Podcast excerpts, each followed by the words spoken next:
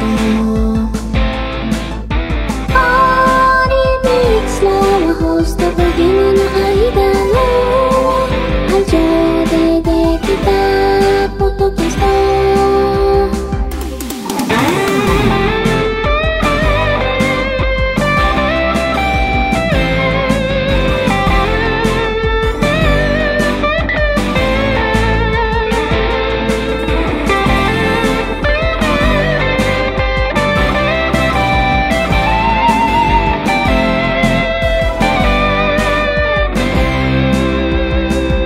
Varmt välkomna ska ni vara till detta halloween-avsnitt av Sveriges mest kärleksfulla tv-spelspodcast Par i pixlar. Jag som pratar heter Filippa och med mig har jag som vanligt Robin. Hej Hej! Sander! Avsnitt 190! Yes, och det, och det är, det, vankas halloween. det är halloween. Ja! Exakt, och då vet ni som lyssnar vad, vad ni får. Det blir filmsnack. Film och serier, alla skräck. Och alltså, det finns jättemycket bra skräckspel där ute, men vi snackar ganska mycket om skräckspel. Eh, Ja. Så halloween är liksom ett bra tillfälle att rekommendera skräckfilmer. För jag gillar ju skräckfilmer, det gör ju du också. Gud ja. Och jag kan säga om, om vi ska nämna någonting på spelfronten så kan vi ju faktiskt nämna att Alan Wake 2 har haft sin release i dagarna. Du kommer inte spela det, för att vi alla vet vad du tycker om Alan Wake-franchisen. Ja. Men alltså, eh, trassligt spel. för er andra lite modiga så finns den ute och den har fått toppenbetyg än så länge. Jag sitter just nu och spelar Spider-Man 2 som en galning. Jag har snart 100% av den där jävla skiten. Jag tänker, fan, nej jag har inte tid med Alan Wake. Jag har inte Nej. tid med Allan, Balla Allan. Balla Allan, Nej, jag har inte eller tid med hur? Och honom hans längre. ficklampa. Så jävla tradigt. Så jävla tradigt Okej, vi ska inte spel. prata om det. Nej. Då kommer du vara på dåligt humör resten av inspelningen. Hörru, Mm. hur mår du? Jag mår bra. Ja, Mm, det är fina tider. halloween. Ja. Vi har en halloween-duk på studiobordet här. Ja, den är ganska smaklös faktiskt om jag får vara ärlig. Den är orange med svarta spindelnät på. Men Jag vi har haft en liten eh, halloweenfest typ igår. Ja, Så därför så hänger det spindelgirlanger och det är lite spindelväv och sånt. vi tar, ju, alltså, vi tar ju halloween ganska seriöst i vår familj. Så för oss så är det ju halloween-firande i typ två veckor. Ja men det är sant. Alltså, vi, Ja. vi håller på med det. Ja, Vi, absolut. vi är sådana. ja. Knepiga typer. ja, men det tycker jag. Jag älskar halloween. Vi har gått liksom lite overkill känner jag nästan med dekorationer och skit här. Fast ungarna gillar det och jag tycker också det är mysigt. Det är nästan Men det är det. mysigare än julen. Nej, nej, nej, det är det inte. Men Fast det på julen är det i och för sig lite mer socialt acceptabelt att vara full. Det är bra. Ja, Det- jo, det gillar vi. absolut. Man kan sitta där på julafton och vara lite småhemlig Ja, och lite full. småhemlig. Mm. Ja, stirra ner i glaset, fumla lite. Men det är ingen som märker om man på julafton är pangfull. Det är ingen som märker det. För folk är så upptagna med paket och glugg och För att alla andra är lika fulla. Och jag, man kan bara sitta där i ett hörn och vara jättefull och ingen märker det. Ja. Det är askönt. Jag älskar tills, jul. Det tills det, de ber dig om att vara tomten. Fast men det är ju kul. Det är kul. Alltså när jag är tomte som jag är varje år och har varit i typ 20 års tid. Jag är alltid lite full. Du är alltid full och tomten kommer alltid från Finland. Ja, det, det gör Eller jag. hur? Ja. så det är en finlandssvensk, lite obehaglig full Ja, tomte kom. som svär. Jag kommer från Finland i år. Jag har varit I målbrottet också. Ja, men han ska ha, ha den här fylle, fylle-auran liksom. Men skitsamma, nu, nu, är det, nu är det halloween innan, innan jul. Ja, här. men det stämmer. Och vad ska vi göra i det här avsnittet, Robin? Vi ska prata om totalt sex stycken skräckfilmer, eller tv-serier. Ja. Beror lite på. Eh, sen ska vi även presentera en ny Patreon och vi ska göra en ny fördomsprofil Ja, på, på, på en lyssnare. Mm, Och dra dåliga pappaskämt som vanligt. det är bra. Vill du höra ett med en gång? Okej. Innan vi drar igång med första filmen. Ja. En av mina favoritsysslor som liten, det var faktiskt att eh, bygga sandslott med min farfar. Han dog ju några år innan vi träffades, så då fick jag aldrig träffa honom. Okej. Men sen så sa mina föräldrar åt mig att lägg tillbaka honom i urnan igen. Nej men åh. Åh nej. Ja, och vad morbid. Ja. Ja men det gillar jag. Är det bra stämning nu eller? Ja men det tycker jag. Ja. Ja. Ska vi köra igång med första filmen med en gång? För vi har sex filmer, vi har en och en halv timme på oss. Jag vet inte hur vi ska hinna det här. Oj oj oj. Ja, okej. Och som ni vet nu så vi kommer köra lite så här synopsis av handlingarna. på filmerna och det kommer vara lite dramatiskt. Som ni gillar. Vi vet att ni gillar det så. Ja, sälj in den här filmen för Vi ska försöka att inte spoila för mycket av filmerna heller. Ja. Vi vill ju att våra lyssnare ska se de här filmerna. ja, men nu är vi som han Ronny i TV4 som sitter och snackar eh, film. Men Ronny TV4, han var i och för sig konferencier på ett gig vi var på rätt nyligen. Men det han, ju han, trevligt. han presenterade oss på scenen. Ja, Kan vi inte bara lyssna hur det lät? Nu så, från Nynäshamn, deras stolthet inom musiken. Här kommer de. Är ni redo? Alicia! Vi vill bara flika in det. ja. Men Ronny, han är rolig för han är så här. Ja, den här filmen är bra för att eh, den är bara bra. Ja. Men vad är det som gör att den är bra? Nej, men den är bra skådespel, bra gubbar. Fyra av fem solar. Fyra av fem solar.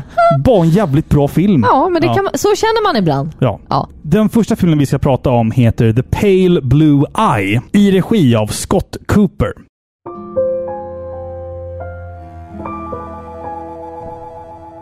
Det är oktober år 1830. Snön ligger tät när det knackar på Augustus dörr. En högt uppsatt militär väntar ute i den isande stormen. Augustus öppnar dörren och stirrar på den välklädde mannen som ber om hans hjälp.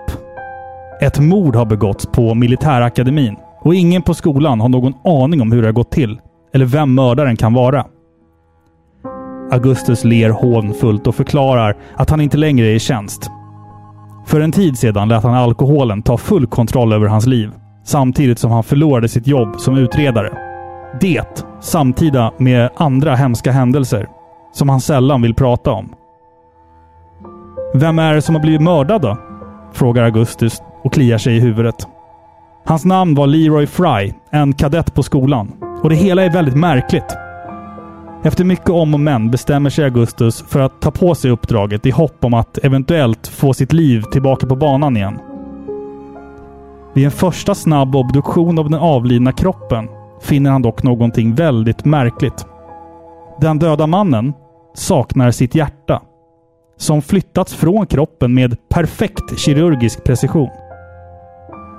Förutom det så håller också den döda mannen i en lapp med bara några korta osammanhängande ord skrivna i bläck på den. Det allra märkligaste är att mannen hittades hängd. Men att det skulle vara självmord är något som ingen vill tro. Augustus samlar in den information han behöver, men upptäcker snabbt att mördaren är många steg före honom och han kommer aldrig att hinna ikapp.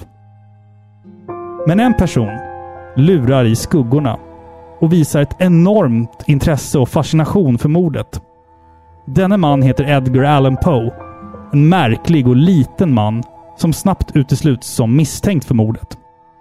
Han lider bara av en enorm fascination för döden och allt som har med det att göra. Han kommer med en egen teori om hur det hela har gått till och ett ljus går upp för Augustus.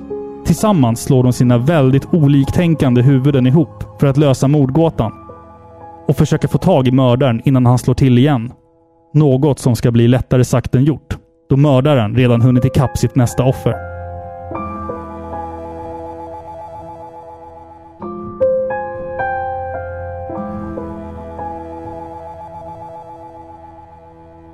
Edgar Allan Poe, sa vi här. Ja, det stämmer. Vi ska ju stifta bekantskap med honom lite senare under kvällen igen. Ja, men här är han faktiskt med i, alltså i filmen som en karaktär. Ja, Och precis. den första frågan man ställer sig, det är liksom, är den här filmen baserad på verkliga händelser eftersom att den innehåller en verklig person? Svaret är nej. Nej. Han gick ju på eh, sån militärskola Mm, mm, och exakt. blev väl eh, utsparkad tror jag för dåligt uppförande eller vad Han det var var. ju en knepig typ. Han var knepig, ja. han var inte riktigt den eh, eh, krigande typen. Han ville Nej. sitta i en vrå och skriva spökberättelser istället. Exakt. Ja. Och just den här filmen, Pale Blue Eye, är ju baserad på en novell av Louis ba Bayard. Och den heter då The Pale Blue Eye. Mm. Eh, Men boken eh, är löst baserad på Poes faktiska liv. Så några, av, några korn av verklighet besitter ändå den här filmen faktiskt. Precis. Ehm, jag vet inte vart jag ska börja. Alltså, vi har ju Christian Bale och Harry Melling. Fantastiska skådespelare. Otroligt duktiga. Sen kan jag tycka att Bale många gånger spelar samma typ av roll. Lite så här, alltså han är ofta typecastad. Ja, men lite sådär tyst antihjälte. Ja, eller, Eh, eller Batman ibland. Eller ett mörker. Ja. Ja. Fan vad han är bra i American Psycho för övrigt. Oh ja. Kanske hans bästa roll. Men han är ju en sån skådis som är känd för att han kan eh, liksom göra om sig inför varje roll. Ja. Du vet, han pendlar ju i vikt Mm. från en, ett skelett i The, The Machinist Ja. till en eh, biffig Batman liksom bara Men- två år senare, ish. Var det inte under inspelningen av Terminator när han blev så här helt jävla galen under inspelningen och skrek på folk? Att de var amatörer och... Jo, det var det. Jo, det var. Kan vi inte bara lyssna på typ fem sekunder av det här? Are you professional or not? Yes, I am. Do I fucking walk around and rip that? No, shut the fuck up, Bruce. Do I want? No! No! Don't shut me up. Am I gonna walk around and rip your fucking lights down in the middle of a scene? Then why the fuck are you walking right through? Ah, da da da da, like this in the background. What the fuck is it with you? Han är med i Terminator Salvation. Just det, fyran. Mm. Ja, precis. Det var därifrån det här klippet var hämtat. Han var jävligt förbannad och tar sitt jobb väl, väldigt seriöst. Är han divig? Det tror jag. Ja, det, tror jag, jag. också. Ja. Men Harry Melling också som Edgar Allan Poe som är... Alltså... Vilken fantastisk jävla casting det är på honom. Ja, Han är verkligen. otroligt lik den där gubbjäveln. alltså det är sinnessjukt Ja, likt ja. ibland alltså. Och när jag ser den här filmen så tänker jag um, oavkortat lite på Seven. Faktiskt. Du vet den med Morgan Freeman och Åh, Brad Pitt. Som också är... Bra film. Ja, men det är samma typ av narrativ med en sån här slug mördare som ligger steget före och våra huvudkaraktärer som är två helt olika människor måste samarbeta för att de tänker på olika sätt. Liksom. Det är en jävligt bra film det här. Alltså, jag tycker, nu säger jag som Ronny Svensson. Det är en bra rulle. Ja, det, den är det. Den är fantastisk tycker jag. Mm. För den är, de- den är ju producerad av Netflix också. Tror jag, tror, tror att den finns eh, där.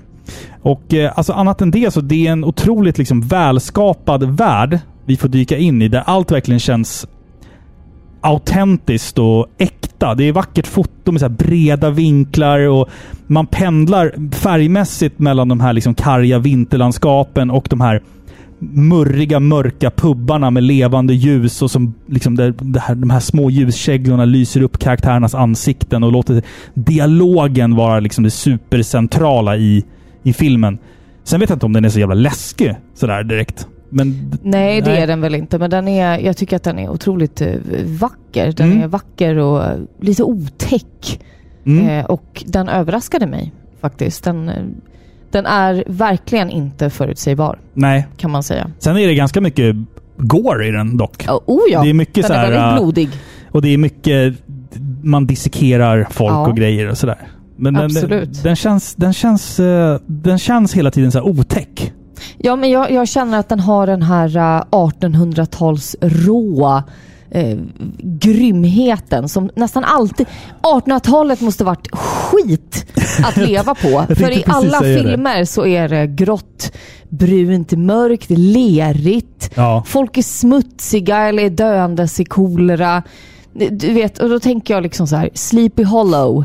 Eh, eller typ den här filmen, Jack the Ripper. Mm. Alltså, i den s- tiden. Sleepy Hollow är ändå så här lite romantiserande kring och 1800-talet. Jag, jag tror att den till och med kanske ska föreställa en bit in på 1900-talet, men ute på landet. Jag Ja. minns inte, men det är ändå den smutsiga tiden. Allt var skit. Det är ett smutsigt århundrade.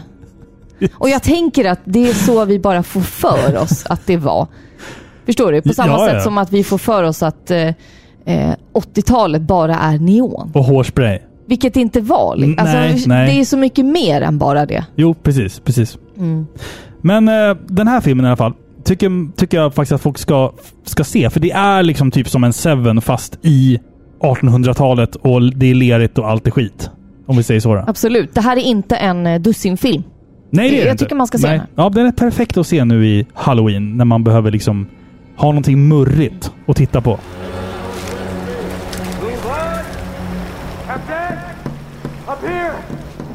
There's a body. Down, down, down came the hot, threshing flurry. Darkest night, black with hell, charneled fury. Leaving only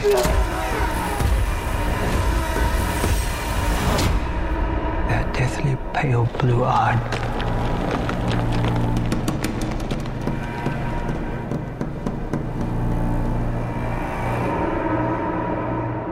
Så det var min eh, första rekommendation för ikväll. The Pale Brown Eye.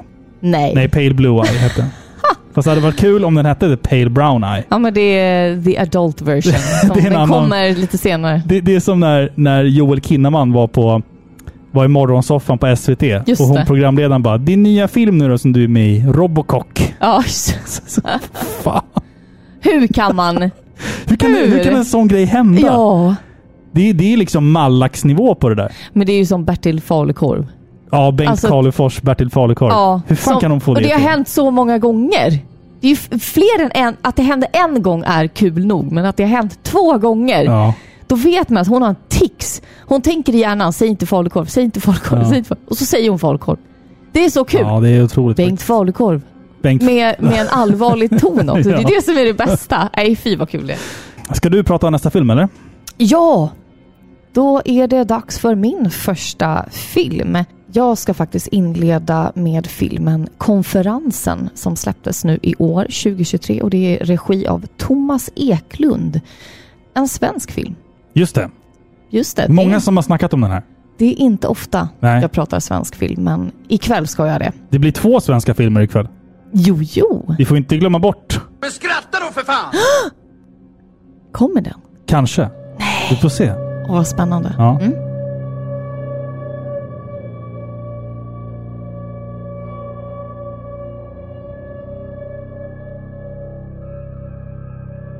Jag tänkte att vi skulle stifta bekantskap med ett riktigt avigt gäng som åker på kompetensutveckling i en liten by i Sverige. De här människorna är alla arbetskamrater och anställda på ett företag som arbetar fram byggplaner för köpcentrum runt om i landet. Nu befinner de sig alltså i byn där deras lilla grupp beslutat att bygga ett sånt här köpcenter. Medan cheferna hurrar och firar sin nyfunna lycka och vinst så sörjer invånarna i den lilla staden det här enorma vrålbygget som kommer att totalförstöra den idylliska landsbygden.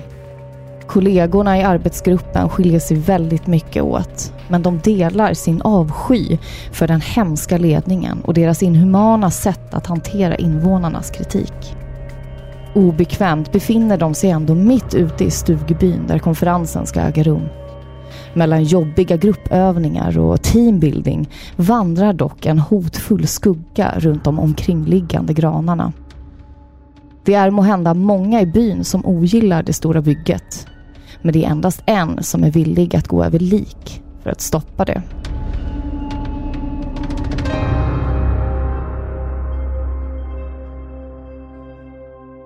Konferensen är en blodig slasher i stil med fredagen den 13 och halloween. Vi snackar intensiv skräck, riktig blodig gore och faktiskt en rejäl dos humor som når upp till förväntningarna. Den här filmen överraskade mig på, på flera sätt faktiskt. Den har ett riktigt snyggt foto. Det är bra miljöer. Det är roliga karaktärer. Den är inte alltför förutsägbar och det är bra skådisar. Vi har Katja Winter i rollen som den enda sunda karaktären Lina som precis kommit tillbaka efter att ha varit utmattad. Allt hon säger och misstänker kommer gå över huvudet på de andra eftersom hon anses svag och förvirrad. Adam Lundgren spelar definitionen av en mellanchef, chefen Jonas, som med fulknep och vassa armbågar gör vad som helst för att stiga i rang. Maria Sid spelar den hysteriskt roliga finsk-svenska chefen som enträget försöker få upp stämningen bland den beiga gruppen. Men det bästa är utan tvekan effekterna. Vi serveras faktiskt riktig gore här, vilket både är ovanligt och överraskande kul för en svensk film. Det här var alltså konferensen som jag har valt. Alltså när såg vi en svensk slasherfilm senast som var bra? Eller när såg vi senast en svensk sla- slasher? Vad hette den där som de snackade om på Felix recenserar? Du tänker inte på den här... Death Camp eller någonting. Hette den inte så? oh, men hade vi inte Death, någon som... Death Academy. Death, Death Academy. Ja. Är inte det så att han som har gjort den är med i den? Jo, det är Jag tror att ja. Felix recenserar har fått kontakt med honom. Ja, ja, ja. De har gjort en intervju med honom. Och det är Ja. liksom en, en hatkärlek dem emellan. Ja, ja, precis. Exakt. Sen hade vi väl den här äh, vaskaren. Strandvaskaren. Strandvaskaren. Ah, så, så jävla svenskt och tråkigt att Ja. döpa en film till Strandvaskaren. Sen har vi ju den här filmen som jag ändå gillade lite. Som du avskyr. Vilken? Frostbiten. Nej, men vad fan. Jo, Åh, gud. Åh, jag orkar inte. men kommer, kan vi bara komma överens om då att Sverige ligger i lä när Sverige- det gäller slashers? Sverige försöker göra en typ underworld. Fast den ska utspela sig i Norrland. Och jag liksom... En Ja, men underworld? så här vampyrer som Jaha. går, går ibland oss. Är, så- vi, är vi kvar i frostbiten? vi är kvar i frostbiten. Jag, jag måste bara få, få ur mig det här. Ja. För jag, jag var lite hype på den filmen, för jag, jag såg någon så här mysko-trailer för den, liksom för, alltså fan det var ju många, många, många år sedan, typ 20 år sedan. Och sen så började jag titta på den och säga ja den är intressant. Sen kommer den pratande hunden. Och det var där jag bara, nej! Men det är ju liksom en sak. Det, den förstörde hela filmen. Ja. Den pratande mopsen. Jag tyckte det var bra effekter i den filmen. Fast vet du vad? Låt den rätte komma in. Men ja, men det är ju en helt annan genre. Nej men det är ju fortfarande vampyr, svensk vampyrfilm. Frostbiten är ju liksom en komedi. Den är usel också. Nej men den är men inte usel, men den är inte bra. Den är inte, den är inte spännande. Alltså för, för, jag tycker för att vara en skräckkomedi så tyckte jag att den var helt okej. Ja. Men du sa... Jag slutade lyssna när du pratade om den här filmen. När du, Jaha. när du kom till eh, t- två ord som jag hatar. Och det är... Kick-off och teambuilding. Jag sa inte kick-off, så Nej, där okej. gick du bet. Jag sa gruppövning och Gruppövningar. teaming. Ja, men det, det, fan vilken ångest. Alltså den här filmen lyckas på ett bra sätt liksom skapa en stämning som alla relate- relaterar till. Det är ingen som tycker om att med jobbet ha typ APT. nej, nej jag vet. Arbetsplatsträff och du vet man ska göra övningar och Mm. nu ska vi sitta i grupper. Den meningen ger mig PTSD. Ja, förstår du? ja, Man ja, jag sitter där och ska... eh, Liksom, det är alltid någon som ska krysta fram något så här... eh, Ja, jag vet. Den personen brukar vara jag. Ja. Men jag, jag är den som på mitt jobb i alla fall har slutat gå på julbord med jobbet. Jag gör inte sånt längre. Jag, Nej. jag vill bara inte. Nej. Nej. Nej. Jag, jag, jag gör inte det. Och jag går inte på teambuilding-grejer och jag går inte på sånt där. Jag, jag, jag hatar hela, hela den där Hela, hela det där sättet att snacka så här. Man ska ha spetskompetens. Du vet, så, äh, spyr på det där ordet. Det är fan det värsta ordet på svenska. ofta de har använt det på din arbetsplats. Förlåt. Verkligen aldrig, Nej. men i alla fall. Just saying. Det beror väl lite vilken typ av arbetsplats man är på också. Mycket sannolikt. Mycket sannolikt. Så men men. Vad, vad hette filmen? Konferensen. Det är många som har snackat om den faktiskt. Jag tror att du skulle tycka om den här. Mm. faktiskt. För att man ser hur de bara vill dö när de kliver av liksom bussen i den här stugbyn och bara Mm. Vad är det här? Ska vi bo här nu liksom? Och så är det alltid en så här check ledare, du vet, i den här... Någon som ska hålla i det hela. Ja. Som så här, nu samlar vi in telefonerna. Och liksom folk bara, åh men snälla. Som att de är barn liksom. De får inte lov mobil- att ha Mobildagis. mobilfri zon. Nu ska vi vara i nuet. Ska Alltså- vi bygga relationer. Förstår du? Man vill Ja. dö. Man vill dö när man hör det. Ja. Så det är nästan som att den här äh, mördaren då som kommer är en frisk fläkt. Mm. Ja. Och jag tänker också att alla som har haft ett jobb någonsin kommer känna igen många av de här karaktärerna. Mm. Förstår du? Vi Ja, har fattar, liksom fattar, ja. den Mm. klassiska rövslickaren som bara slickar eh, cheferna liksom. ja. Sådana har vi här. Ja, och mellanchefer har vi också. Mellancheferna många. Ja. som eh, snackar en massa skit liksom. Mellanchefer. Det finns en speciell plats efter livet. Där de kommer hamna. Kanske. Kanske. Förlåt till alla mellanchefer där ute. Jag vet att det finns ganska många mellanchefer som lyssnar. Jag skulle, vilja säga, podden. jag skulle vilja säga en fördom som jag tror faktiskt är fakta. Okej. Jag tänker säga det här och Ja, nu. ja. Alla mellanchefer spelar paddel. Det är sant! ja, det vill jag nog också och skriva spelar du paddel så är du med största sannolikhet en mellanchef. Mm. Mm. Inte alla mellanchefer, men Jo, alla mellanchefer. alla Eller mellanchefer. ja. Ja. så är det. Det var lite kul nu, för du, nu sa jag ett ord här som du inte hade sagt. Alltså, du, du hade ju inte sagt kick-off, eller hur? Nej. Men det är lite kul med dig, för att ibland så... Du, du, kan, du kan börja konversationen med Du har inte hört ett ord av vad jag har sagt va? Jag sitter här i köket och du står och lagar mat eller någonting och så bara... Du har inte hört ett ord av vad jag har sagt va? Jag tycker Men- det, det är ett konstigt sätt att inleda en konversation på. Nej, det här är ett pappaskämt, är du? Nej, du fattar inte. Oj, oj, oj. Ja. Ni sett det här? Dagens agenda. Miljö... Fan, ska du lira gudar ikväll eller Torbjörn? Ja, fast det är utsålt sedan länge nu. Guns N' Roses. Vadå miljömål? Vi har väl inga miljömål Man kan ju inte ha en konferensanläggning utan wifi. Nej, nej det kan Nej. nej. Nej, det kan man Nej, inte. men det har vi inte. Utan vi har wifi. Det är bara det att vi kan svära lite grann ibland. Men Ingela, vi löser det. Roger, stopp. Gå och fixa internet. Igen? Ja, Men driver du? spring nu, snälla. Green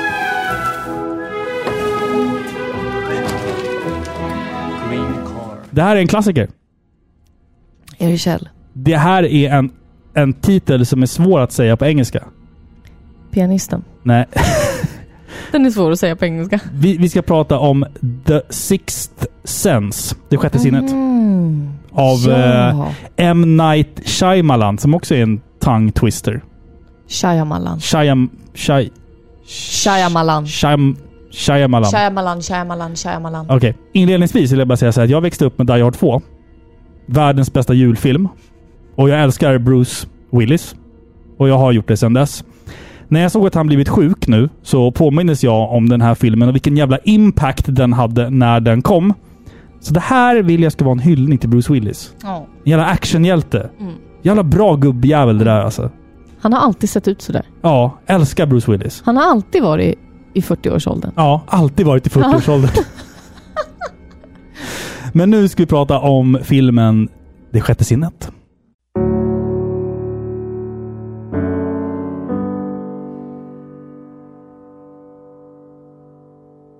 Det är tidig morgon och Philadelphia börjar sakta vakna till liv. Barn slussas till skolan av nyvakna föräldrar och de små butikerna öppnar strax för dagen. I takt med att rusningstrafiken ska dra igång på riktigt. Barnpsykologen Malcolm Crowe sitter på en parkbänk och läser en patientjournal. Efter en tids uppehåll från sitt yrke känner sig Malcolm stark nog för att återuppta sin plikt och råda bot på nya patienter. I det här fallet är det en pojke på nio år. Cole Sear heter pojken och han lider av svåra tvångssyndrom, hallucinationer och vanföreställningar. När Malcolm lyfter blicken från sin bunt med handskrivna papper ser han pojken öppna sin ytterdörr en bit bort. Malcolm valde just denna park eftersom att den låg i nära anslutning till pojkens bostad och han vill gärna byta några ord med pojken i enrum innan pojkens mamma och skolan kopplas in i fallet. Cole ser påtagligt uppjagad och orolig ut när han låser ytterdörren och börjar den raska promenaden mot skolan några kvarter bort. Malcolm har svårt att hinna ifatt den nioåriga Cole, som beslutsamt pinnar på i hög fart längs med gatan. Till slut får Malcolm kontakt med pojken, som försiktigt och fragilt anförtror sig till Malcolm. Men han är fortfarande väldigt reserverad och nästan rädd. Tiden går och Cole bygger sakta upp ett förtroende till sin nya psykolog Malcolm. Även om han innerst inne vet att han inte kan erbjuda något botemedel för hans udda åkomma. Men det säger han inte, utan han låter dagarna bara gå. Men saker och ting i Coles liv intensifieras och han ser nu Malcolm som sitt sista hopp. Han väljer nu att för första gången i sitt liv berätta vad som plågar honom. Han kan se döda människor. Hela tiden. De går omkring, överallt och vet inte om att de är döda. Malcolm kliar sig i huvudet samtidigt som en rysning sakta vandrar längs med hans nacke. Det är precis som det där andra fallet. Men det var ju så många år sedan nu. Tillsammans flätar de sakta ett band till varandra i hopp om att bota Coles märkliga åkomma. Men saker och ting är inte alltid som vi tror.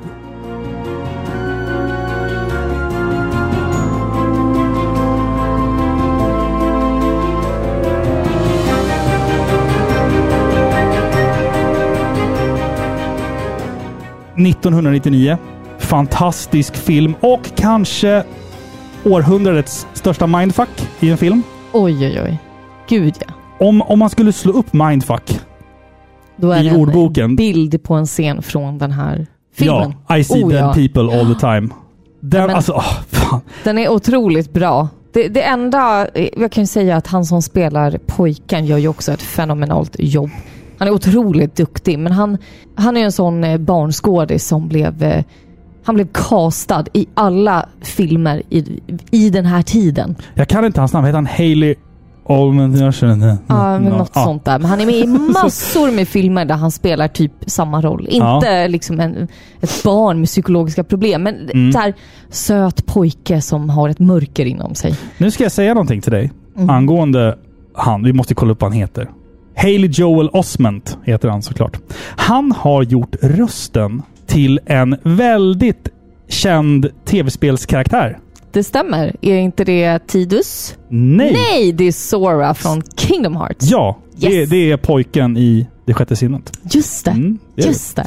Nej men så här, det, om, om det finns någon film som jag känner varenda gång jag ser den, att så här, den här filmen önskar jag att jag aldrig hade sett. Så är det den här. För jag vill liksom få den här första gångs... Upplevelsen. Ja. Aha! Fan vad sjukt! För att när man ser filmen ett andra varv sen, då, Ja, då ser, då man ser man ju- allting helt annorlunda. Ja, det, det är som att se två helt olika filmer. Ja, men känns inte det lite som, eh, alltså, M. Night Shyamalan. Han Mm. gör ju många sådana filmer som är lite udda. Hans filmer Ja. är, de är väldigt, eh, det är Hollywood-produktioner fast de känns lite som indiefilmer på något sätt. Om du förstår vad jag menar. Mm. Jag tänker Science, The Village. De har liksom en eh, kuslig eh, tomhet över Mm. sig. Jag förstår. De, de har inte det här explosiva Hollywood-filmglanset utan de är väldigt sådär lite eerie. Alla hans Ja, ja, ja. filmer. Absolut. Eh, och samma gäller med den här filmen. Också. Men det här var första gången. Alltså jag vet inte om det här är hans första film. Eller så. Det kanske inte är. Men det var, det var första gången som, som jag liksom kände mig lurad av en film. Oj! Alltså helt lurad. ja, inte negativt alltså. Nej, nej, nej. nej. Alltså som en positiv grej. Att, för att när twisten kommer i slutet så här. Ah, okej. Alltså jag har ju sett twister i filmer förut, men den här twisten är så, så stor. Och Ja. man visste ju inte så mycket om just den här regissören. Sen när man har sett senare filmer av M. Night Shyamalan så vet man ju att det är oftast en twist på slutet. Och man, kan, man sitter liksom och letar efter den twisten Mm. under filmens gång. Det, det, det tänker man på när man ser The Village till exempel. Då vet man ju liksom att okej, nu kommer någonting här som kommer vara lite Ja. konstigt här.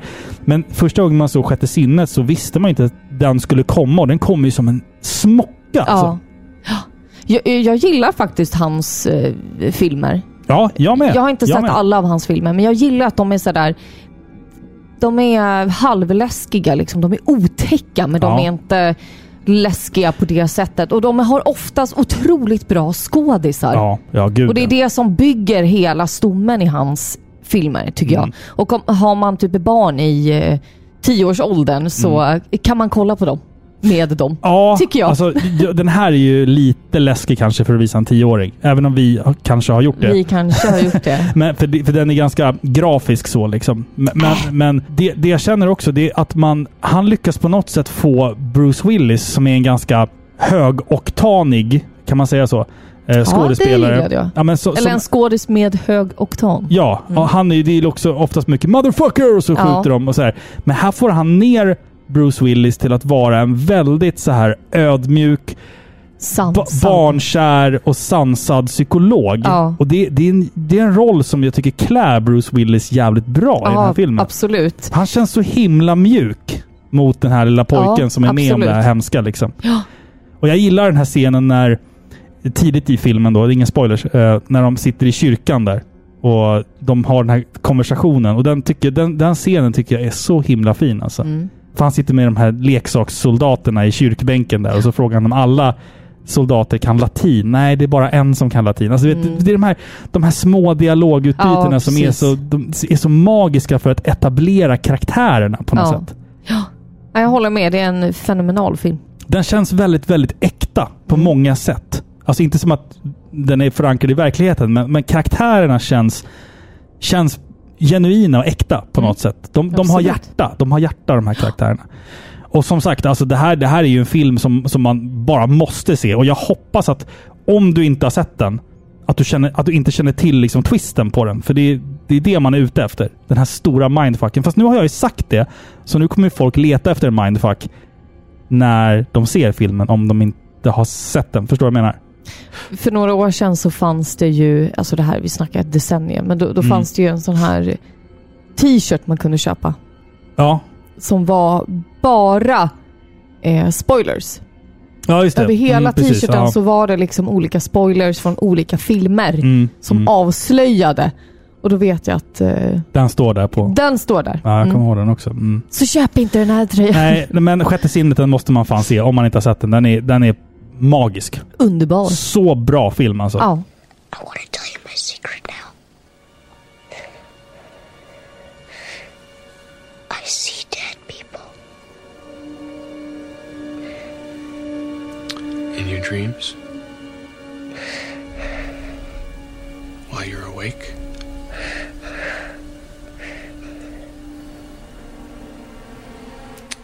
Dead people like in graves and coffins?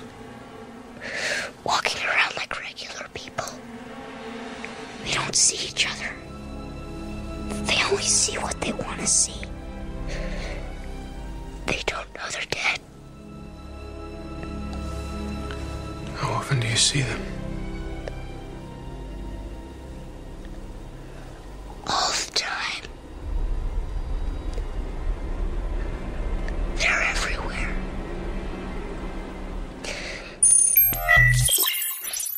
Det här avsnittet av Par i pixlar görs i samarbete med tv-spelsbutiken Spel och sånt. Fysisk butik i Norrtälje, men också på spelosont.se. Jag var inne där nu, innan inspelning. Ja. Jag brukar vara inne där. Mm. Satt och kollade på retrospelsavdelningen där. Ah. Jag slogs av en grej. Mhm. Av hur jäkla seriösa de är när det kommer till retrospel. Ja, gud ja. Jag gick in på NES-spel. Man sitter och kollar på Tradera efter retrospel och så får man upp en bild på spelet man vill köpa och så är det så här. Det är en bild från Google. Och då blir det så här. Ah, jag vill veta vilket skick spelet är i. Men på spel och sånt, där vet man hur noga vi retrospelssamlare kan vara. Så om spelet finns fotograferat på deras hemsida, då är det liksom från olika vinklar. Det är närbilder på kartong och manual.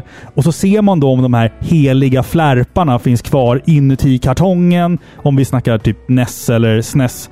Det är så jävla seriöst.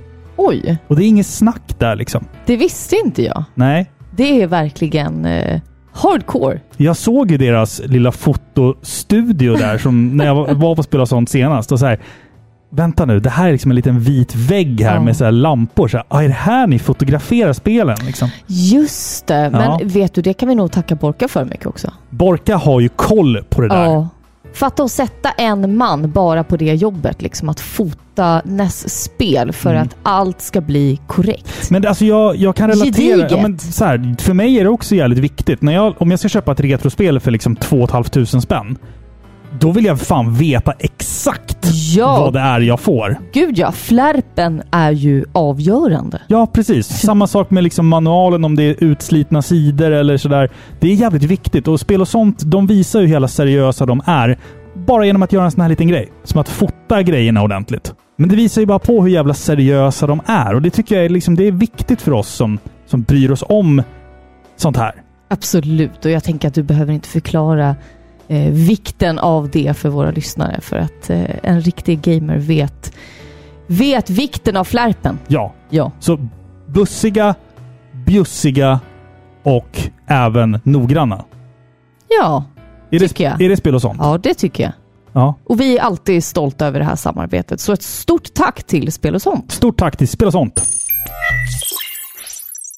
Okej, jag vet vad du tänker.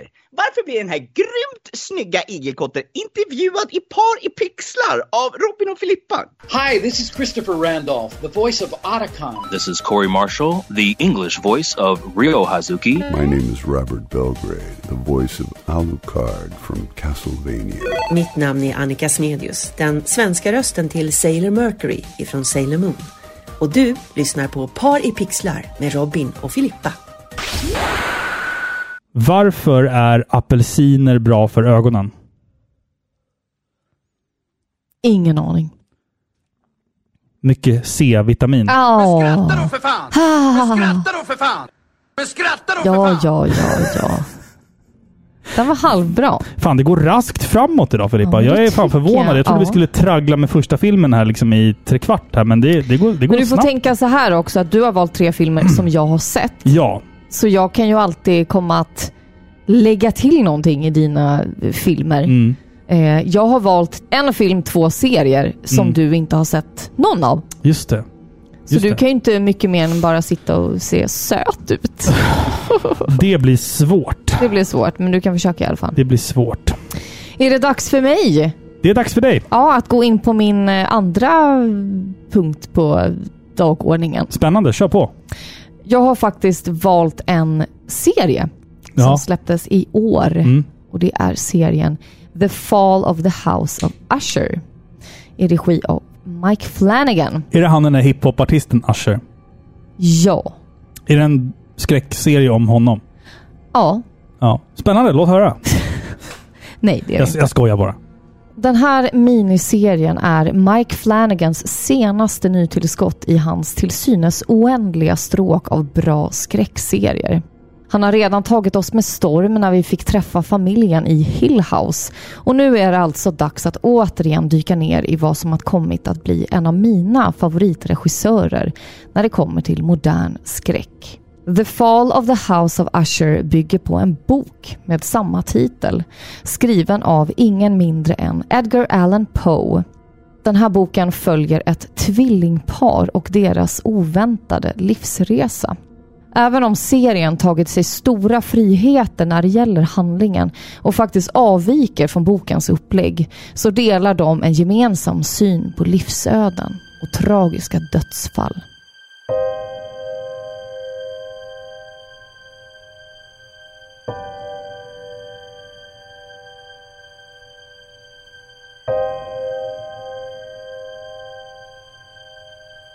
Vi får stifta bekantskap med Roderick Usher, familjens överhuvud, som tillsammans med sin syster Madeleine inleder serien med att sorgset se på medan tre kistor rullas fram vid altaret i kyrkan.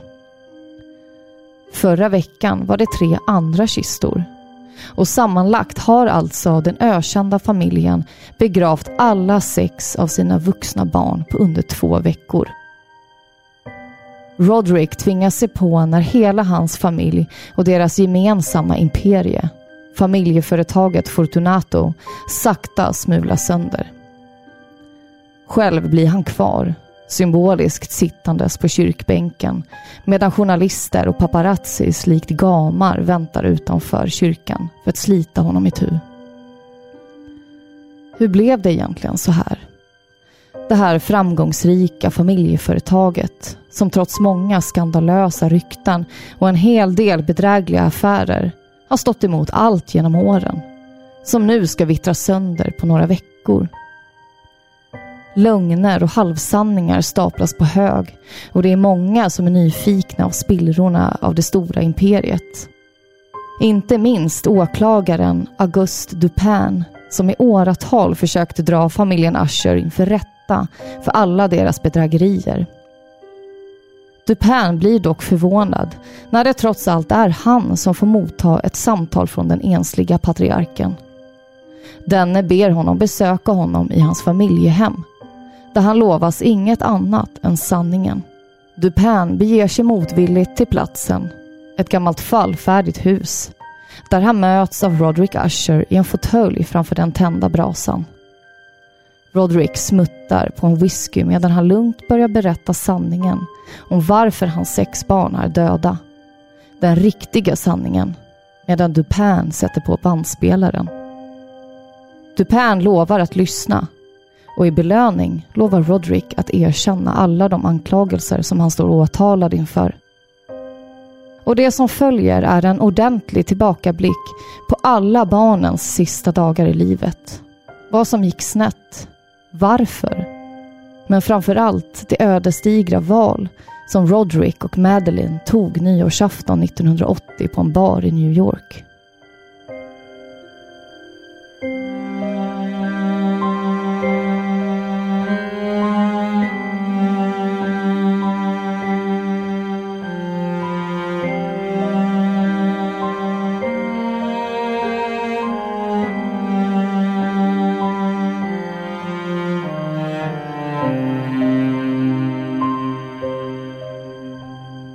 Likt ett strypgrepp håller House of Usher dig och du är totalt begeistrad av alla karaktärer, av miljöerna och den här fantastiska dialogen. Och trots att serien utspelar sig i nutid så går det inte att se förbi de omisskännliga flörtarna med Poes romantiska 1800-talsretorik. Det är en gotisk skräckberättelse med blod, sex och tragiska öden som någonstans ändå påminner oss om att what goes around comes around. House of Usher finns att se på Netflix och det är utan tvekan en av Mike Flanagans bättre verk tillsammans med Hill House. Så jag vill verkligen rekommendera att ni ser den om ni har möjlighet denna Halloween. Och då tänkte jag fråga, hur många av hans serier har du sett Robin? Hill House och Bly Manor har jag sett va? Just det. Ja. Och Hill House vill jag minnas att du tyckte väldigt, väldigt mycket om. Den var bra, men huvudpersonen, den blonda kvinnan, var jävligt jobbig. Eller är det Bly Manor? Det är Bly Manor jag tänker på. Nu sitter jag Ja. här och eh, spärrar upp ögonen och tänker, vad pratar du om? Nej, men hon var bara jobbig att ha att göra med. Ja, men just det. Mm. Precis. Men, men alltså, han, han har ju ett, ett eh, unikt sätt att göra um, utdragen uh, skräck... Trill, Ja. Thriller, vad man kan kalla det för. Han, han har en bra, bra känsla för det där. Fråga, hur många avsnitt? Oj, eh, åtta? Är det för långt? Kommer jag Nej, aldrig orka se. nej, nej, nej. Vet du vad? Det här är... Eh, det här leder mig då oavkortat till en av mina senaste åsikter. Mhm. Jag är ju en åsiktsmaskin. Det är du av Guds nåde. Ja. Ja, nu har jag en ny åsikt och det är faktiskt att miniserier är det perfekta formatet. Tillräckligt långa för att skapa intresse och djup utan att bli tråkiga. Det här är perfekt. Jag har inte tiden att se... Men om- Robin, om är du gick och la dig halv fyra i natt. Om det inte är... Men det var för att jag sitter och spelar Spiderman. Ja, Ja. Då, du kan ju prioritera. Är det inte Marvel så är det inte värt åtta timmar. Äsch! Lägg av. Du hade gillat den här serien. Den har faktiskt väldigt många likheter Ja, med. Hill House. Jag tänker det här med tillbakablickarna eh, eller att man systematiskt får lära känna den här till synes förbannade syskonskaran. Mm. Förstår du? Och jag tänker att Mike Flanagan är väldigt duktig på att skapa intressanta relationer utan att bli för rörigt. Men, men är det att man hoppar mellan de här barnen eller är det liksom ett avsnitt per barn, barnaöde så att säga? Det är ett avsnitt per barnaöde. Ja, men det där gillar jag för då tänker jag lite på Stephen Kings eh, Det. Som också är Ja, väldigt stämmer. rak. Mm. Man får träffa alla barnen och sen får man se alla barnens relation till Pennywise the Clown. Ja. Och sen i vuxen ålder, alla möter Pennywise the Clown och så måste de liksom hjälpas åt och sådär. Så det, det gillar jag i och för sig, när det inte hopp, hoppar för mycket. För mycket, nej nej. Mm. Den hoppar ju lite i tiden då. Man får ju se när Roderick Usher är yngre. Mm. Man, måste ju, man förstår ju att han och hans syster har skapat ett imperie som bara bygger på lögner och kanske någonting annat som lurar i skuggorna. Det låter Eh, spännande faktiskt. Den var väldigt, väldigt bra. Och någonting som jag tycker är extra kul är att eh, alltså Flanagan är väldigt omsorgsfull när han skriver sina karaktärer. Till exempel är alla karaktärerna döpta efter personer i Poes andra böcker. Och lite sådär Mm. synkade med deras personligheter i serier. Och, och titeln för avsnitten eh, berättar lite om hur deras öde kommer sluta. Så kan man Mm. säga. Ja, spännande. The House of Usher. The Fall of the House The of Fall Usher. Mm. of the House of Usher. Ingenting med hiphopartisten att göra. Nej. Vad har vi på pinsamma hiphopartister? Pinsamma. Usher är pinsam. Ja. Och sen har du även Cisco som nog var värst. Oj! Och hjälp! Ja, en liten, li, liten filur med silversprayat hår och silversprayad väst som sjöng The Thong Song. Ja, just det! Ja, och, så, och sen skivan som den ligger på heter The Dragon. Så jävla, Fy! det är så jävla dåligt. Nelly också. Glöm inte bort Nelly. Ja, han som gör en... eh, Åh, det är kul. Han Ja. som sitter och gör en eh, musikvideo med Kelly Rowland som Mm. var en av de tre i Destiny's Child. Fyra var de väl från början, Destiny's Child? Nej, tre från De var fyra från Jaha, början. det kanske var Ja. fyra från början. Ja. Hon i alla fall sitter och skriver med honom i musikvideon i Excel. Hon har ju typ... Apropå spetskompetens. Ja, men man ser ju, det här, ja, det är ju orimligt liksom. Ja, det är orimligt! Fruktansvärt. Jag skulle vilja ha en ny röst på Ja, soundboarden. du har sagt det, att du vill ha en uh, Jag Kishti. vill ha Kishti. Ja, orimligt. Varför Ja, får inte jag det du för? får det i nästa avsnitt, jag Aha, lovar. ja. Jag lovar. Jag skulle bara vilja säga att eh, när det gäller House of Usher, Mm. du och jag, jag vill ändå minnas att du var med. Vi har Mm. sett en gammal filmatisering av boken. Det kanske vi har, ja. Men eh, den handlar ju som sagt inte om det här på samma sätt, utan Mm. vi får följa typ en riddare som ska besöka en gammal barndomskamrat. Eh, och det här är liksom eh, medeltid, eller vad man ska säga. Vad fan pratar de? Aldrig, aldrig, all... Jo, och han Nej. besöker då eh, sin vän Roderick Usher som bor i ett eh, gigantiskt slott. Nej, jag kommer inte ihåg det där? Och hans syster alls. Madeline. Alltså så här, om jag ser hundra filmer, då kanske jag kommer ihåg två av dem. Ja. Längre än en vecka. Mm. Liksom. Sen, sen, sen är de bara borta. Mm. Ja. Det är, jag har bara plats för Marvel-filmer i mitt huvud. ja, jag förstår det. Mm. I don't give a shit about the world. I would like to be successful. If you don't want to be consistently cruel, then you have to be sufficiently brutal. You wonder why people hate us. This right here, this is why. We're so fucked. Things are escalating.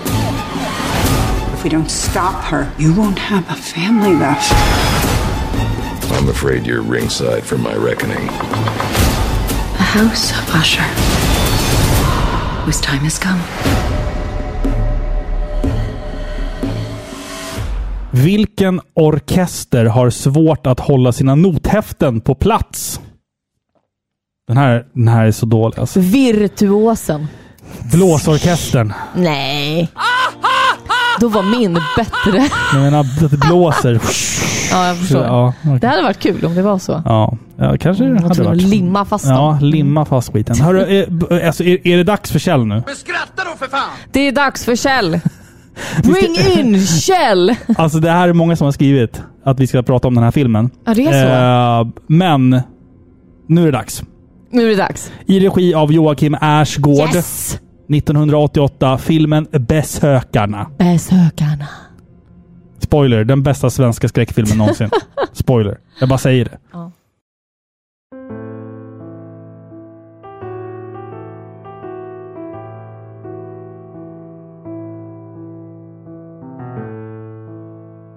Frank Eriksson är en man i sina bästa dagar. Fru, två barn och är mitt i sin karriär som reklamsäljare. Efter många år av tvekan har de äntligen gjort slag i saken och lämnat storstadens sål för ett stort hus i skogen. Barnen finner sig snabbt i den nya miljön och Franks fru Lotta oroar sig för allt som behövs göras i huset för att kunna göra det beboeligt. Renoveringar måste ske så fort de får en stund över. Frank är optimistisk och glad över husköpet och börjar redan samma kväll att tapetsera barnens rum. Imorgon är det en stor dag. Han har snart rott den stora reklamaffären i hamn och kommer snart att kunna ta ut en välförtjänt semester och samtidigt ha ett imponerande belopp på sitt lönekonto. Men Frank ser det här redan som en självklarhet. Nästa dag kommer och går och det är eftermiddag. Frank kommer hem från jobbet. Han är tyst och ser märkbart uppgiven ut. Han tar inte ens av sig skorna innan han barskt klampar in i salongen och häller upp en stor whisky. Lotta kommer in och behöver knappt fråga hur det gick. Hon ser på Frank, som har blicken i fjärran, att det inte gick så bra som de båda hade hoppats. Till slut så bryter Lotta tystnaden. Hon har något som hon måste berätta. Det var inte bara Franks förhoppningar som rasade den dagen, utan även de nya tapeterna i barnens rum. De har helt och hållet släppt från väggen. Det måste ha varit för lite tapetklister. Men gång på gång ska nya tapeter åka upp och åka ner. Frank har ingen aning om vad det här beror på. Samtidigt som han känner en enorm stress över familjens ekonomi och att allting bara trycker på. På nätterna plågas han av långa mardrömmar. Och på dagarna den oundvikliga stressen. Efter en tid i huset inser Frank, Lotta, men också barnen att de inte är ensamma innanför det nyköpta husets fyra väggar. Någon form av närvaro är ständigt kring dem och sänder kalla kårar genom deras kroppar. En regnig och stormig natt leds Frank ensam upp på vinden. Det gamla trägolvet knarrar och spindelnäten blänker som silke i ficklampans sken. Längst där inne på vinden finner Frank en låst dörr som han inte kan förstå vad den gör där eller vad som finns bakom. Tiden går och familjen upptäcker mer och mer oförklarliga fenomen i huset i takt med att den okända och otäcka närvaron visar sig allt mer frekvent. Allt står nu på sin spets. Franks karriär är på väg att grusas. Huset lever sitt eget liv och ingenting blev som de tänkt sig. Hela situationen tär på äktenskapet och någonting måste göras nu. I ren desperation kontaktar Frank ett psykiskt medium, tillika spökjägare, för att komma över och kolla. Det kan ju ändå inte skada. Franks skeptiska inställning till det övernaturliga ska dock ändras och huset visar tydligt att det inte vill ha familjen Eriksson boende hos sig. Men vad är det som finns där i det okända? Och vad är det som gång på gång besöker dem? Och vad finns bakom den låsta dörren på vinden?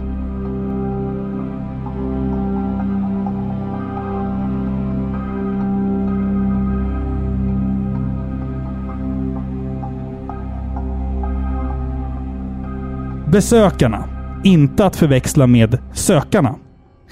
Är en, En annan svensk klassiker. en annan svensk Oh. pärla. Det här är i alla fall en svensk skräckthriller som enligt mig är faktiskt på riktigt ordentligt jävla underskattad.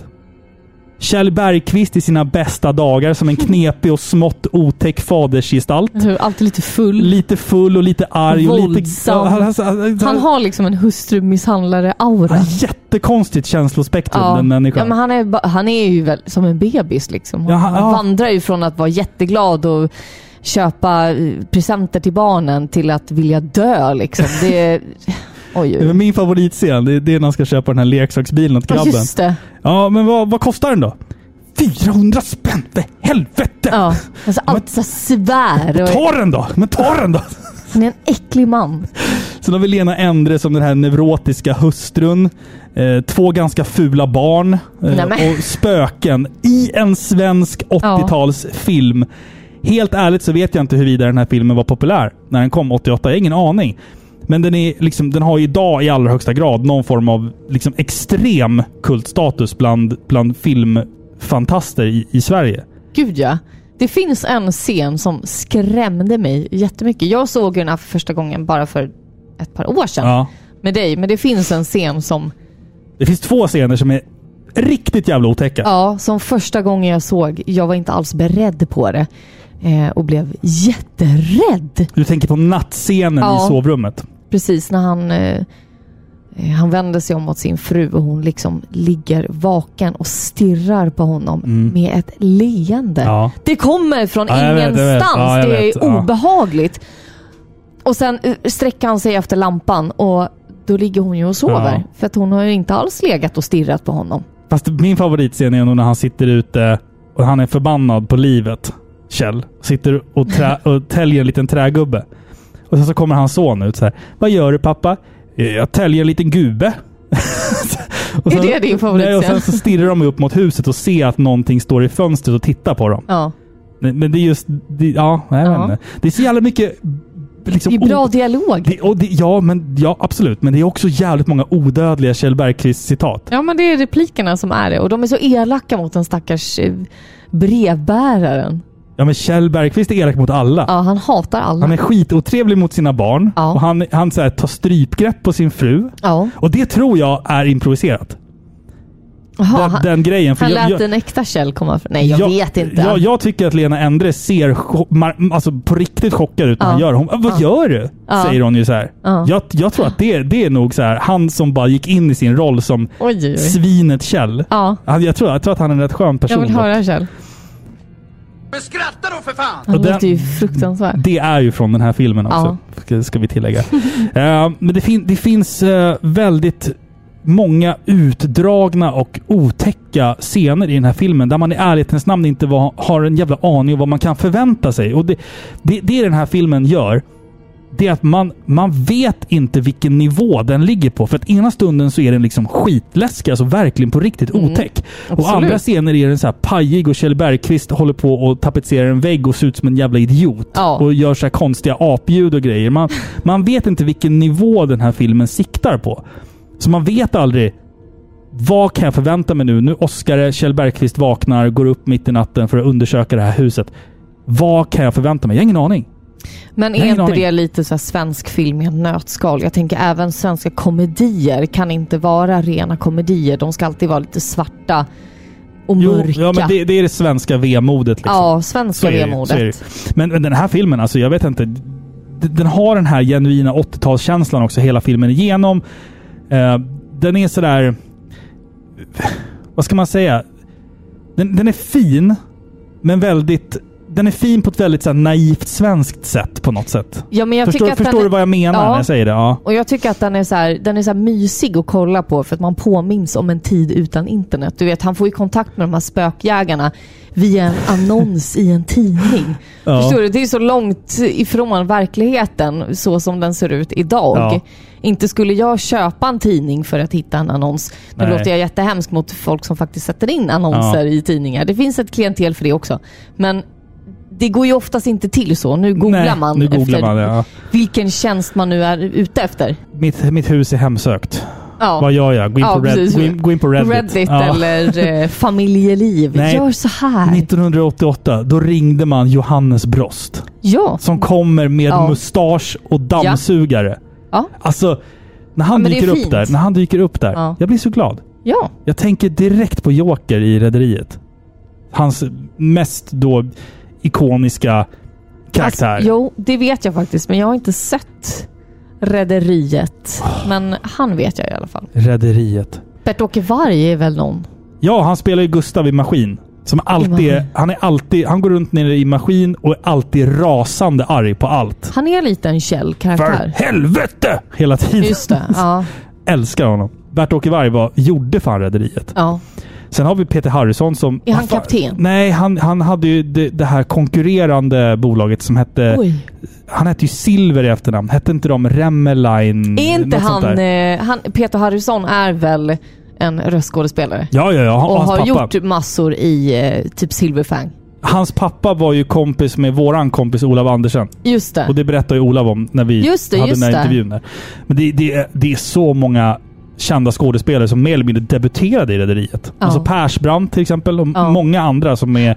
Alltså fan, Rederiet. Fan vilken, vilken jävla där, bra där serie alltså. snackar vi ju liksom, det är ju så här hundratals timmar. Ja, men det är också svensk finkultur. Nej, Kjell Bergqvist är fan också med i Rederiet i något tillfälle. Ja, tror jag. Jag säkert. tror fan det. Jag tror det. Men då tillbaka till besökarna. Det här är väl någon form av jävla svensk diskbänksversion av Amityville Horror. För man vet ju faktiskt inte om det faktiskt spökar eller om det är våran gubbjävel Kjell som håller på att bli tokig.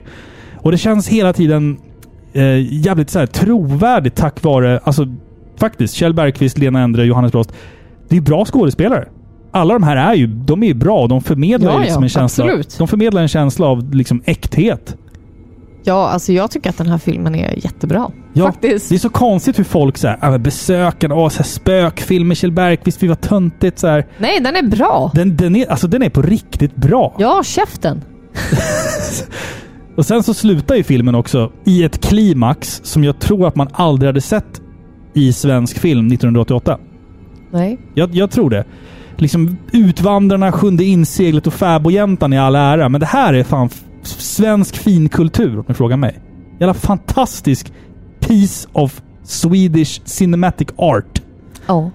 Och Lena Endre är ung och fräsch. Ja, det är hon faktiskt. Ja. Snärtig i den här filmen. Snärtig. Ja, Ja. det är hon faktiskt. Men det finns så mycket man kan säga om den här filmen. Alltså Ja. den, den är ju bara genuint jävla bra. Den, den är på riktigt läskig också. Ja, men det är den. Men den är mysig framförallt. Jag tycker den här, den här kan liksom nästan bli så här en julfilm på något sätt. Den Ja, har någonting faktiskt. över sig som gör att man så vill krypa upp i soffan och så här mystitta. Mm. Och mystitta, det gör man på julfilmer. Men även också det här... äh, Vi ska inte spoila någonting, men även det här paranormala som vi får ta del av. är faktiskt jävligt genomtänkt på något sätt. Och också jävligt läskigt. Alltså när vi når då filmens klimax. Ja, och eftersom det är två barn med också som... Alltså det blir ju... Det blir ju läskigare Ja, liksom, för ja, ja. att de känner att de är i fara på riktigt. Mm, Liksom. ja, säkert. Och sen också, en grej vi inte brukar prata så jättemycket om när vi pratar film, men ljuddesignen. Alltså musiken och ljudeffekterna. Det, det är riktigt skrämmande. Alltså just de här dörrarna som slår så hårt liksom och bankande i väggen och i rören. Och, nej, fan. Det, den, är, den, nej, den är fan läskig på riktigt alltså. Och sen så får vi ha Kjell Bergqvist som går runt och svär i en och en halv timme och det är bara som en typ bonus till Det är en filmen. bonus ja, men det är lite som en svensk Amityville Horror. Ja, faktiskt. där, där har vi också en, en pappa som blir lite galen liksom. Och man vet liksom inte om det är på riktigt eller inte. Inledningsvis i alla fall. Inledningsvis. Nej, men fan. Besökarna, den, den ska man fan se alltså. Och det tycker jag.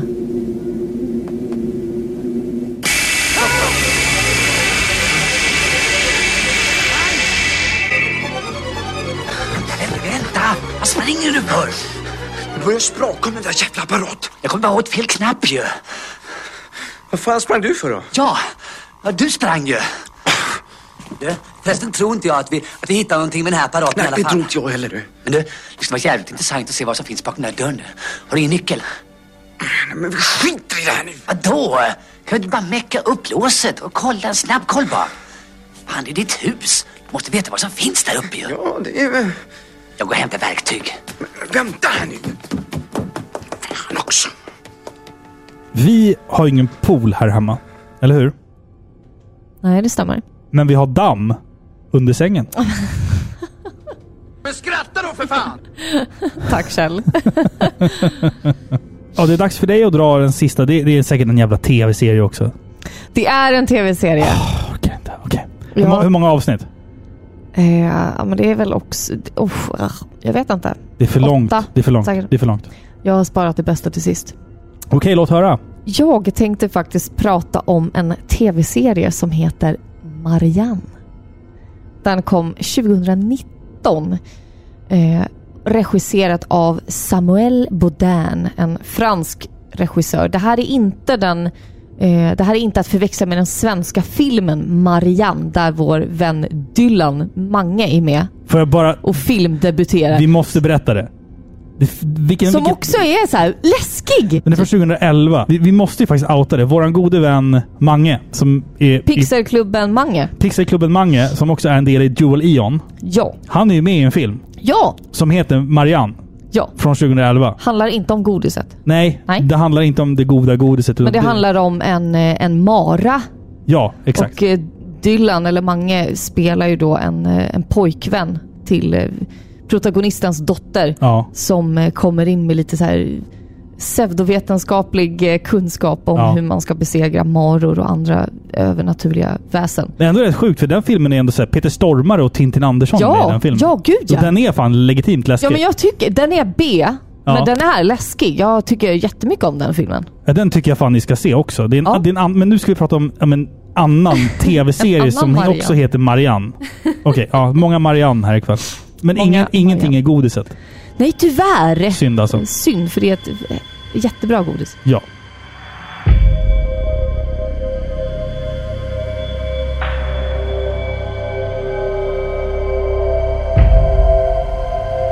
I den här franska skräckserien får vi stifta bekantskap med den ensliga skräckförfattarinnan Emma Larsimon.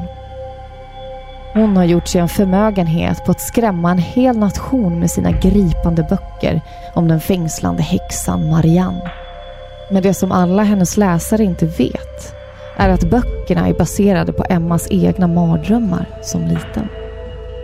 Genom att skriva ner mardrömmarna och skapa en hjältinna som modigt bekämpar den onda häxan har Emma lyckats hålla mardrömmarna långt borta från hennes vuxna och upptagna liv. Men just idag kommer något att förändras. Emma sitter otåligt och inväntar den skrikande massan. Fansen spärrar upp ögonen och ler brett medan de närmar sig Emmas bord. I deras händer har de den senaste boken ur serien om Marianne. Med en van hand skriver Emma autografer som på löpande band. Men beundrarnas entusiasm lyckas ändå inte höja Emmas till synes apatiska sinnesstämning. Emma har nämligen gjort ett val. Ett val som ingen annan vet om. I den senaste boken förlorar hjältinnan mot Marianne och dör. Boken blir hennes sista. Emma tittar upp. Framför henne står en kvinna som känns bekant och som med sitt härjade utseende sticker ut från mängden. Hon spärrar upp ögonen mot Emma och börjar tala. Känner du inte igen mig? Det är jag, Caroline.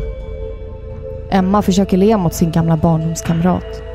Hon känner inte igen henne och åren verkar ha varit tuffa mot henne. Caroline räcker hastigt fram något från sin hand. Det är ett litet bylte. Beigefärgat och med vad som ser ut att vara svart tråd. Hårt flätat runt om. Du måste sluta Emma. Du måste sluta. Min mamma är besatt av dina böcker.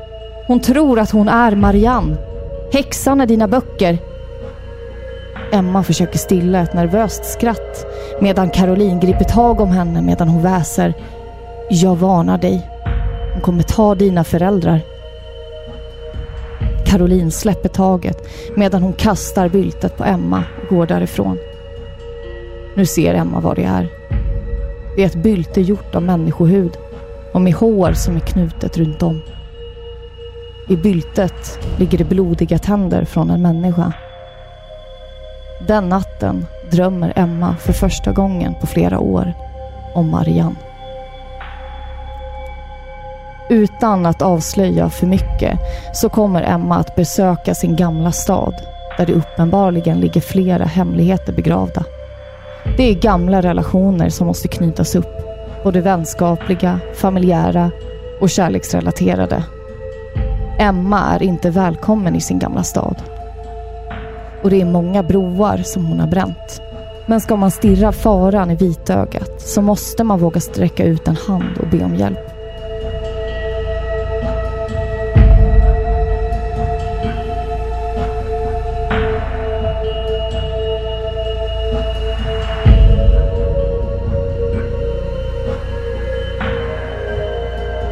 Marianne kan vara den läskigaste serien jag sett på länge.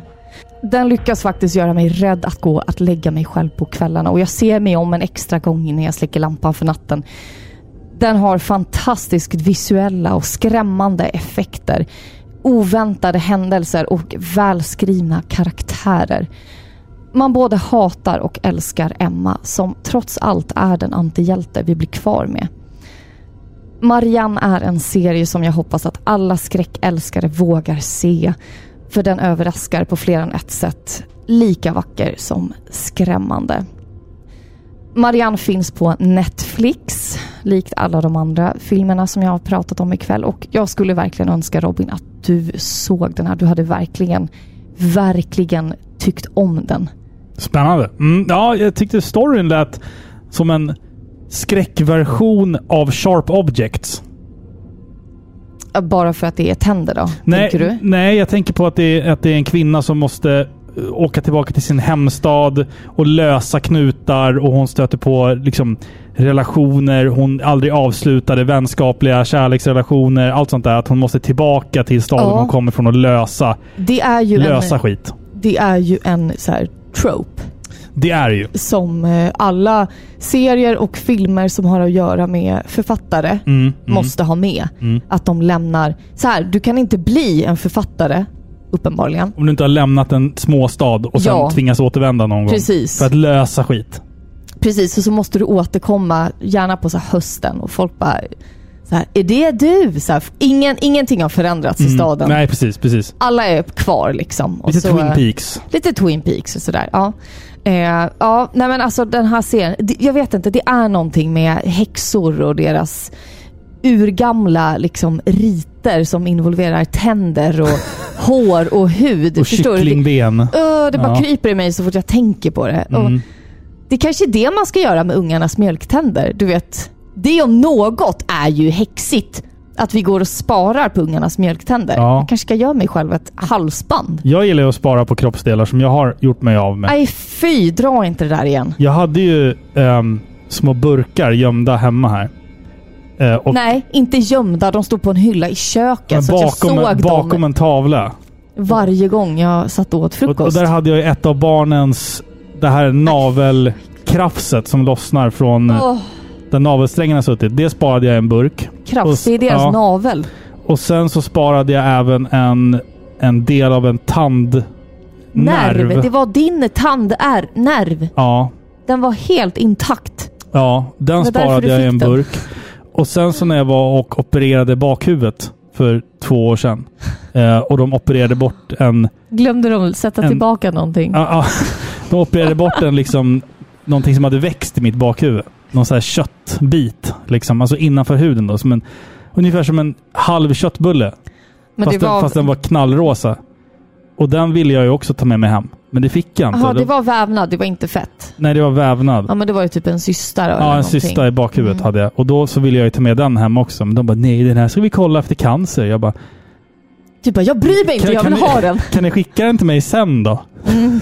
Jag vill ju ha ett litet, litet kartotek med obskyra föremål. Så bara, det Som här är ligger en, i burkar med formaldehyd liksom. Ja, men så här, det här är liksom... Det här är en navel, det här är en Nej, tandnerv, det här är en, en svulst jag har haft i huvudet. Det värsta var att när det gällde din tandnerv, Ja. historien var ju som sådan att du hade varit hos tandläkaren, Mm. eh, du hade gjort en rotfyllning Mm. och de hade alltså lyckats extrahera den här tandnerven Ja. och oftast så brukar den gå i bitar. Mm. De får liksom skrapa ur den. Ugh, vad äckligt.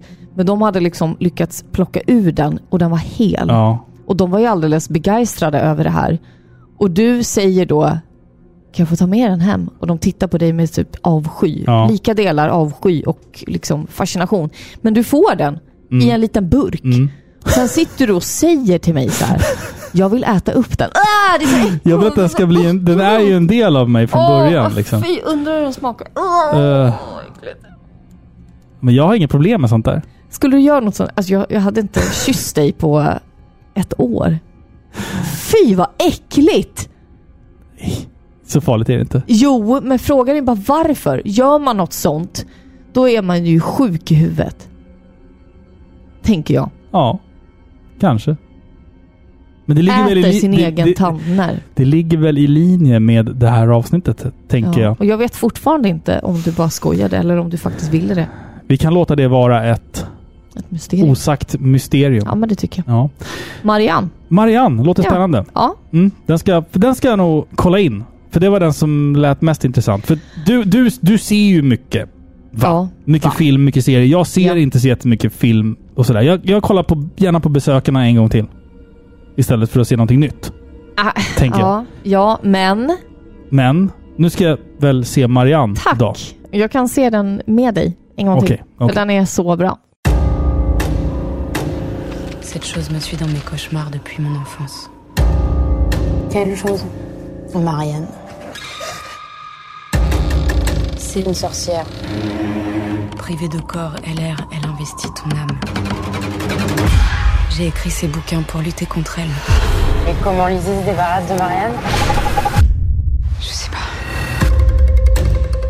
Då var vi färdiga med skräckfilmer snedstreck skräckserier för den här halloweenen. Säger man det i plural? Halloweenen. Ja. Hallo ja. Men avsnittet är ju inte slut här. Vi har lite småsaker kvar att reda ut för Filippa. Vi har två nya Patreons. Woo!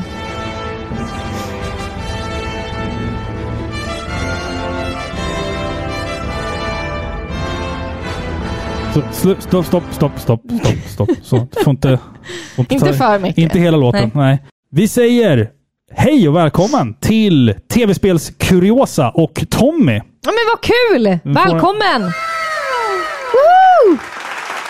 Undrar hur många Tommy det är som är Patreons nu?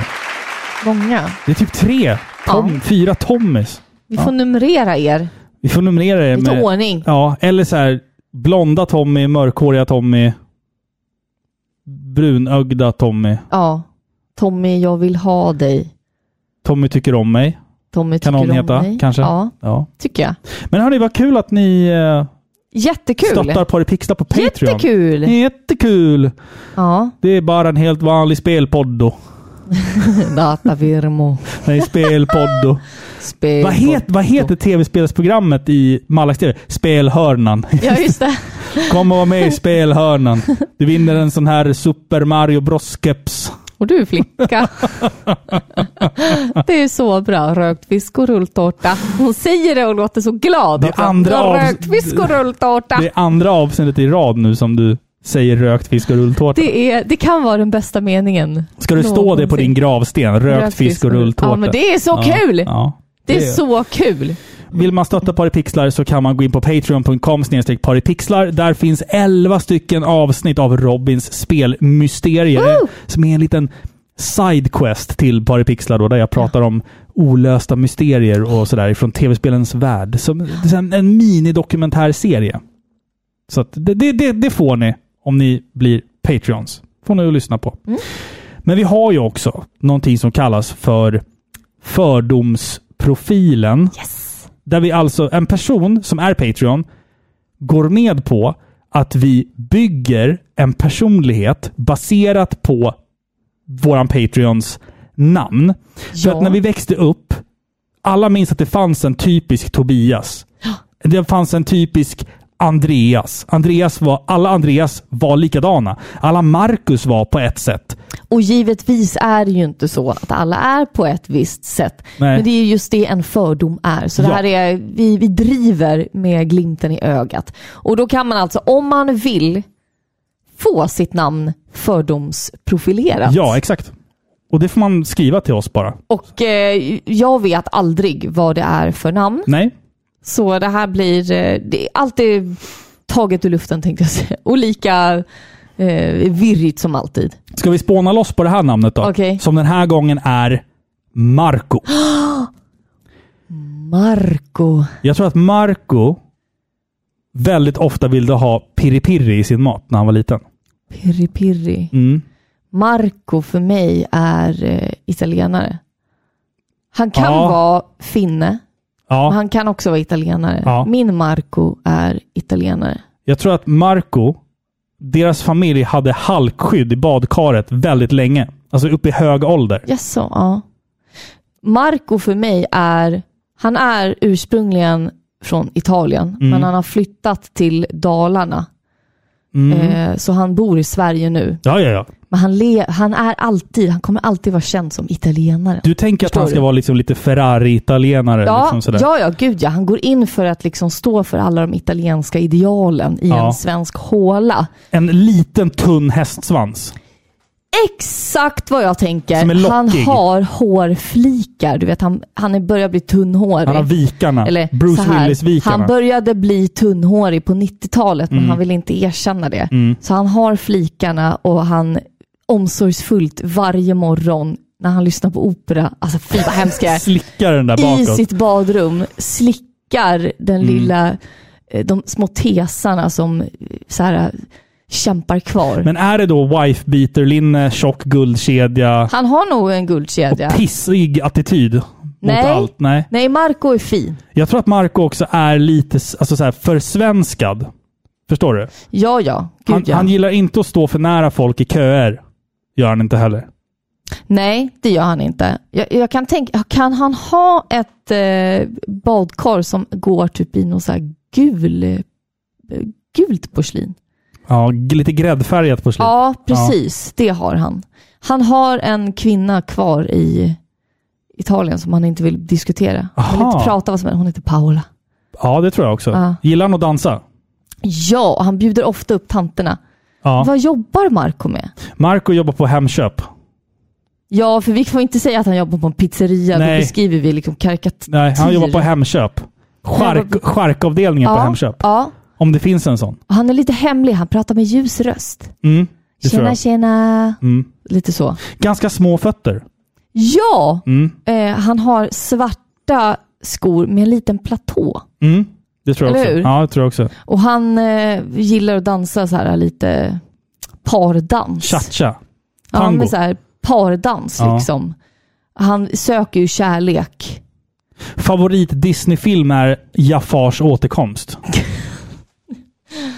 Han har haft en fling med Annette som jobbar i kassan, men det, det Ja. funkade inte. Favoritfisk är blåsfisk. Blåsfisk Ja. av alla. Ja. Favoritspel? Red alert.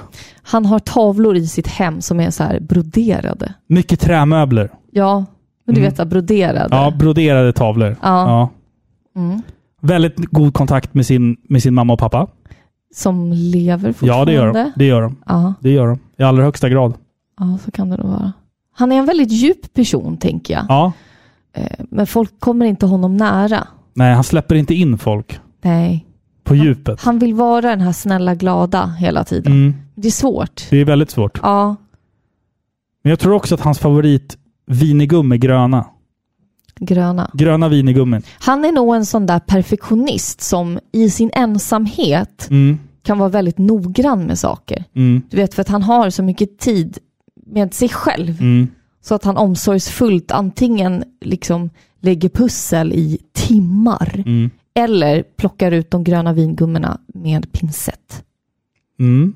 Det, mm, ja, Förstår du vad jag tror menar? Absolut, absolut. Han är som tagen ur en film som Jean-Pierre Jeunet har regisserat. Du vet han som hade eh, regisserat Amélie från Montmartre, Alien 4. Alien 4, eh, Delikatessen. City of the Lost Children. Yes, Ja. exakt. Väldigt så här brunt och mörkt och lite så här dekadent. Liksom. Mm. Svårt att så här, tidsbestämma det. Mm. Marco är svårt att tidsbestämma, Ja, det tror jag också. tänker jag.